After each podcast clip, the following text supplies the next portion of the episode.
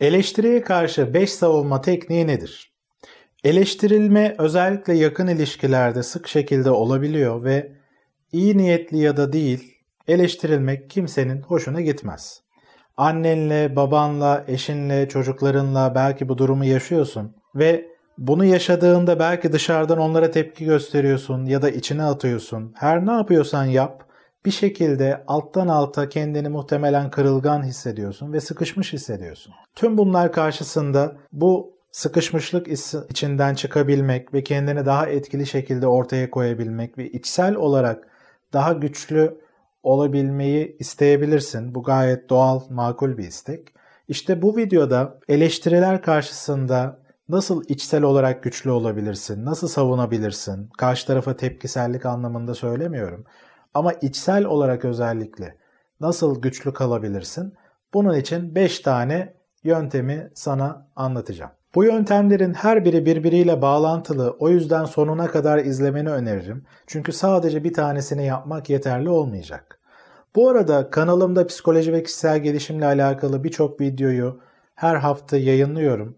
Eğer bu konular ilgini çekiyorsa bu videoları düzenli şekilde takip etmek için kanalıma abone olabilirsin. Eleştiriye karşı içsel olarak güçlü kalmak ve kendini savunmanın en önemli yöntemlerinden bir tanesi kendinde uyanan duyguları fark etmen. Yani eleştirildiğinde önce kendi içine dön ve belki ön planda olanı kızgınlık duygunun dışında başka duygular var mı alttan alta? Üzüntü, kaygı, suçluluk, utanç gibi başka duygular var mı? Bunlara dikkatini ver. Seni eleştiren kişinin o söylediği sözler senin kendi içinde belli hassas noktalara dokunuyor mu?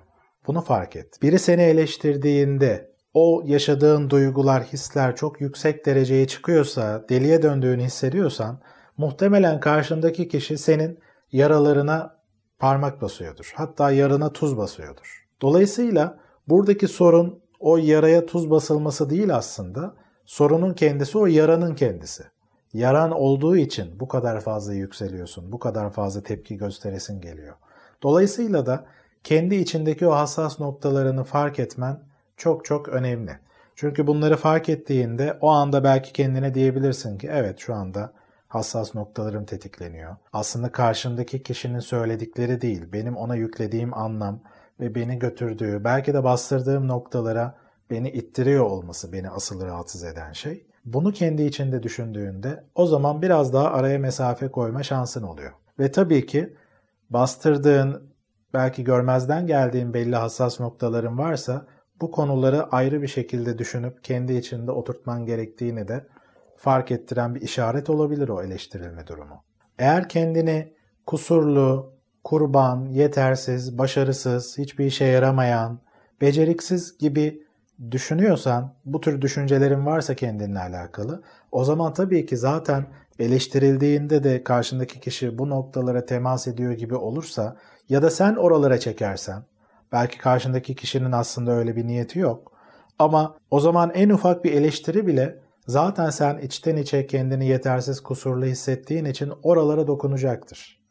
Dolayısıyla böyle bir durum varsa önce bir derin nefes al, bir sakinleştir kendini. Karşı tarafın isteyerek ya da istemeyerek hassas noktalara girdiğini kendine telkin et ve derin bir nefes alıp araya bir mesafe koy içsel olarak. Ve böylece belki de fazla tepki vermeni engelleme şansın olabilir. Eleştirilerle başa çıkmada önemli olan ikinci basamak da karşı tarafı dinleyip anlamaya çalışmaktır. Hiç kimse %100 haksız değil.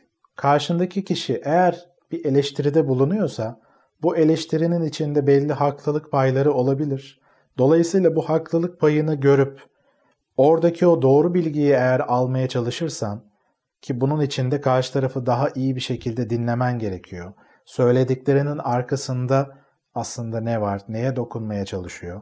Bu noktayı fark etmeye çalışman önemli. Doğru bilgi girişi, doğru veri girişi olursa o zaman tüm bunları bir araya getirip daha iyi bir sonuca varabilirsin. Ve karşındaki kişi eğer senin işine yarayabilecek belli eleştirilerde bulunuyorsa o zaman karşı tarafın da daha olumlu bir şekilde görebilmeye başlayabilirsin. Çünkü karşı taraf senin için bir iyilik yapmış olacak o zaman.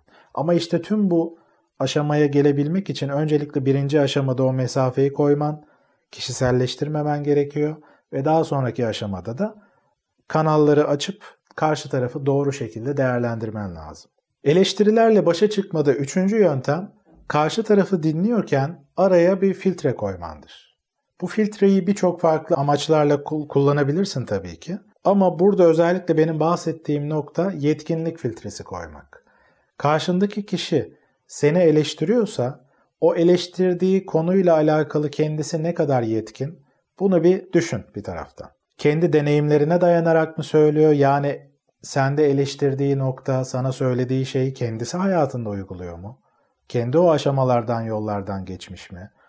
Senden beklediği şeylerin nasıl bir şey olduğunu, neler gerektirdiğinin farkında mı? Eğer değilse o zaman biraz daha araya mesafe koyabilirsin ve o kadar da almayabilirsin kendi üzerine. Diyelim ki girişimcilik tarafını artık ortaya koymak istiyorsun ve ticarete atıldın. Bir iş kurdun ve annen baban seni bu konuda eleştiriyor. Ya memuriyet daha güzeldir, işte maaşlı bir işte çalış, daha güvende olursun, bak yanlış yapıyorsun, risk alıyorsun, olmaz böyle tarzı kaygılarıyla eğer geliyorlarsa tabii ki sen risk almamaya dikkat etmen önemli. Ama bu noktada anne baban eğer kendisi bu tür bir deneyime sahip değilse yani kendileri de maaşlı şekilde çalışan kişilerse sana bu konuda açıkçası yöneltebilecekleri eleştirileri filtreden geçirmen özellikle önemli olur. Çünkü bilmedikleri konulardan bahsediyor olacaklardır. Bilmedikleri konularla alakalı da tabii ki kaygı düzeylerinin daha yüksek olması gayet doğal. Çünkü belirsiz olan durumlar insanda daha çok kaygıya neden olur. Ki anne baban da eğer bu noktada belli deneyimlere sahip değillerse o noktada o kaygılı halleriyle sana yaklaşacaklardır. Tabi burada belki aklına şöyle bir şey gelebilir. Kendi deneyimleri yok ama başkalarının deneyimlerini öğrenip bana bir şeyler söyleyemezler mi? Eleştiride bulunamazlar mı? Tabii ki başkalarının deneyimleri de bir deneyimdir. Ama yine de başkalarının deneyimlerini aktarıyorken orada hep eksik bilgiler vardır. Çünkü sana aktardığı o deneyimler tam seninle aynı olmayabilir. Bunu kim bilecek? Bunu o kişinin kendisi bilebilir. Ha, o kişinin kendisi yani o deneyimlerden geçen kişi gelip sana eleştiride bulunursa ben bunları bunları yaptım bak senin geçmeyi planladığın yollardan geçtim ve buralarda şöyle hareket edince böyle oluyor.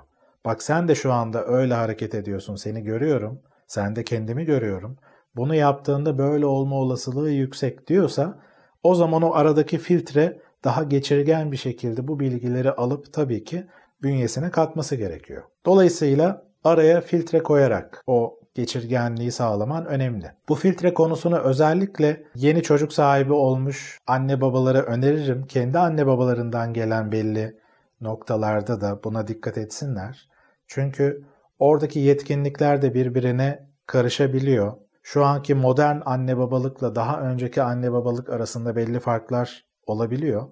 Dolayısıyla özellikle kendi ailenle olan ilişkilerde de bu filtre koyma konusuna önem vermeni tavsiye ederim. Böylece bilinç dışındaki, geçmişteki belirli karşılanmamış ihtiyaçlar, o bilinç dışı dinamiklerle bağlantılı konular tetiklenmeyecek ve bir güç savaşına dönmeyecektir karşılıklı olarak. Eleştiriyle başa çıkmada dördüncü yöntem, karşı tarafı eğer dinleyemiyorsan araya bir sınır çizmektir. Bu filtrenin dışında kısa süreli olarak araya bir mesafe koymaktan bahsediyorum. Eğer karşı taraf sana söylediği şeylerde, sözlerinde daha yargılayıcı bir tona doğru giriyorsa ve daha sert bir tonla seninle konuşmaya başladıysa bu noktada konuşmaya devam etmenin bir anlamı olmayabilir çünkü her iki tarafta yıpranmaya başlamıştır. Negatif bir kısır döngüye girmişsinizdir. Dolayısıyla böyle bir durum varsa o noktada bu bana iyi gelmiyor. Şu an her ikimiz de kızgınız. Bu şekilde ama konuşmayalım dediklerin önemli olabilir. Belki kendine göre kendi düşüncelerini paylaşıyorsun ama şu anda bu şekilde konuşmak istemiyorum deyip araya bir sınır koyabilirsin.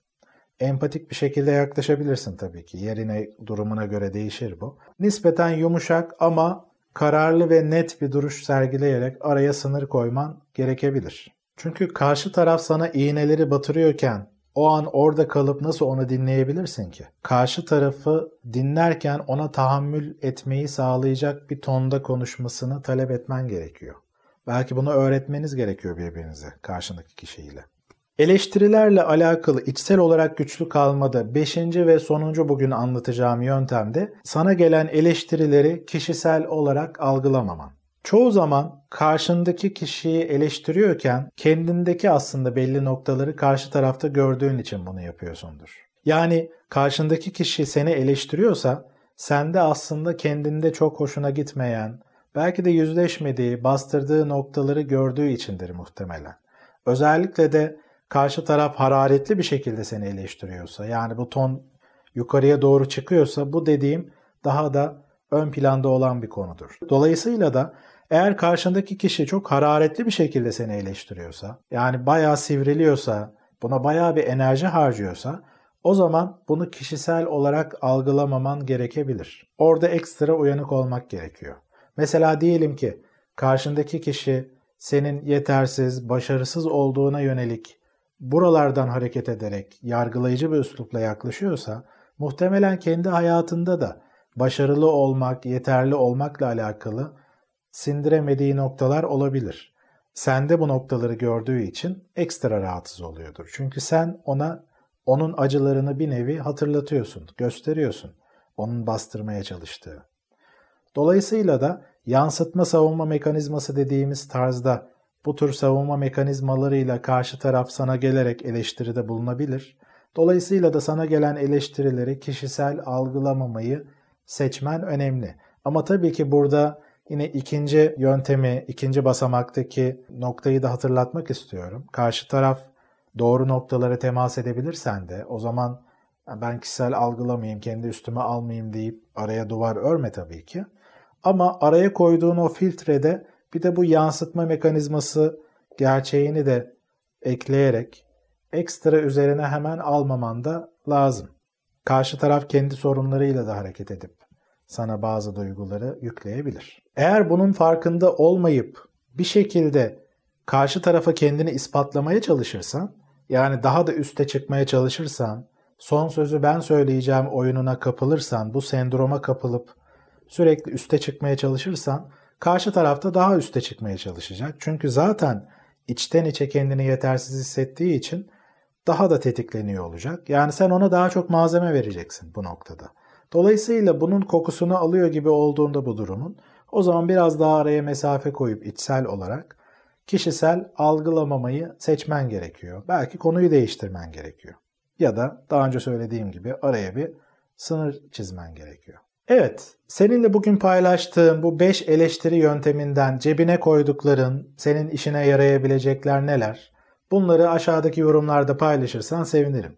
Hatta bunları daha sonraki aşamada uygulayıp deneyimlerini de yazarsan sevinirim.